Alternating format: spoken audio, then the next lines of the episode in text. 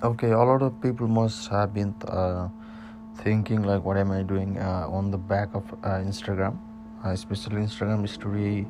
Um, I uh, I'm there a lot of time and uh, I try to leverage the platform and give some value to all the followers and trying to build connection with the like-minded people. Like I have always been saying um, I'll be producing uh, content regarding business ideas, uh, entrepreneurship, this the content creation, and digital marketing, or all these uh, things. whatever I have said is interrelated, and I'm trying to build something on the back of the knowledge and all these things I'm doing.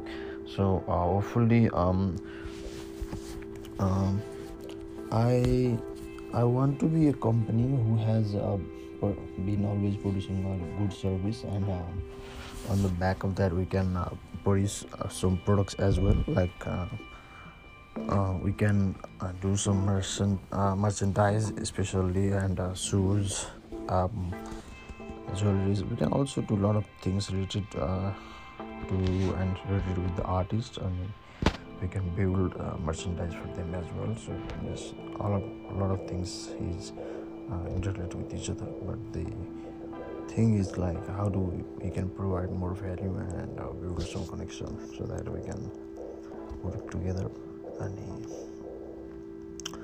selling and uh, be financially free is uh, one of the things i have always noticed um, as a must um, main part of life so trying to do something on the back of the internet. So um, that's all i want to say at this moment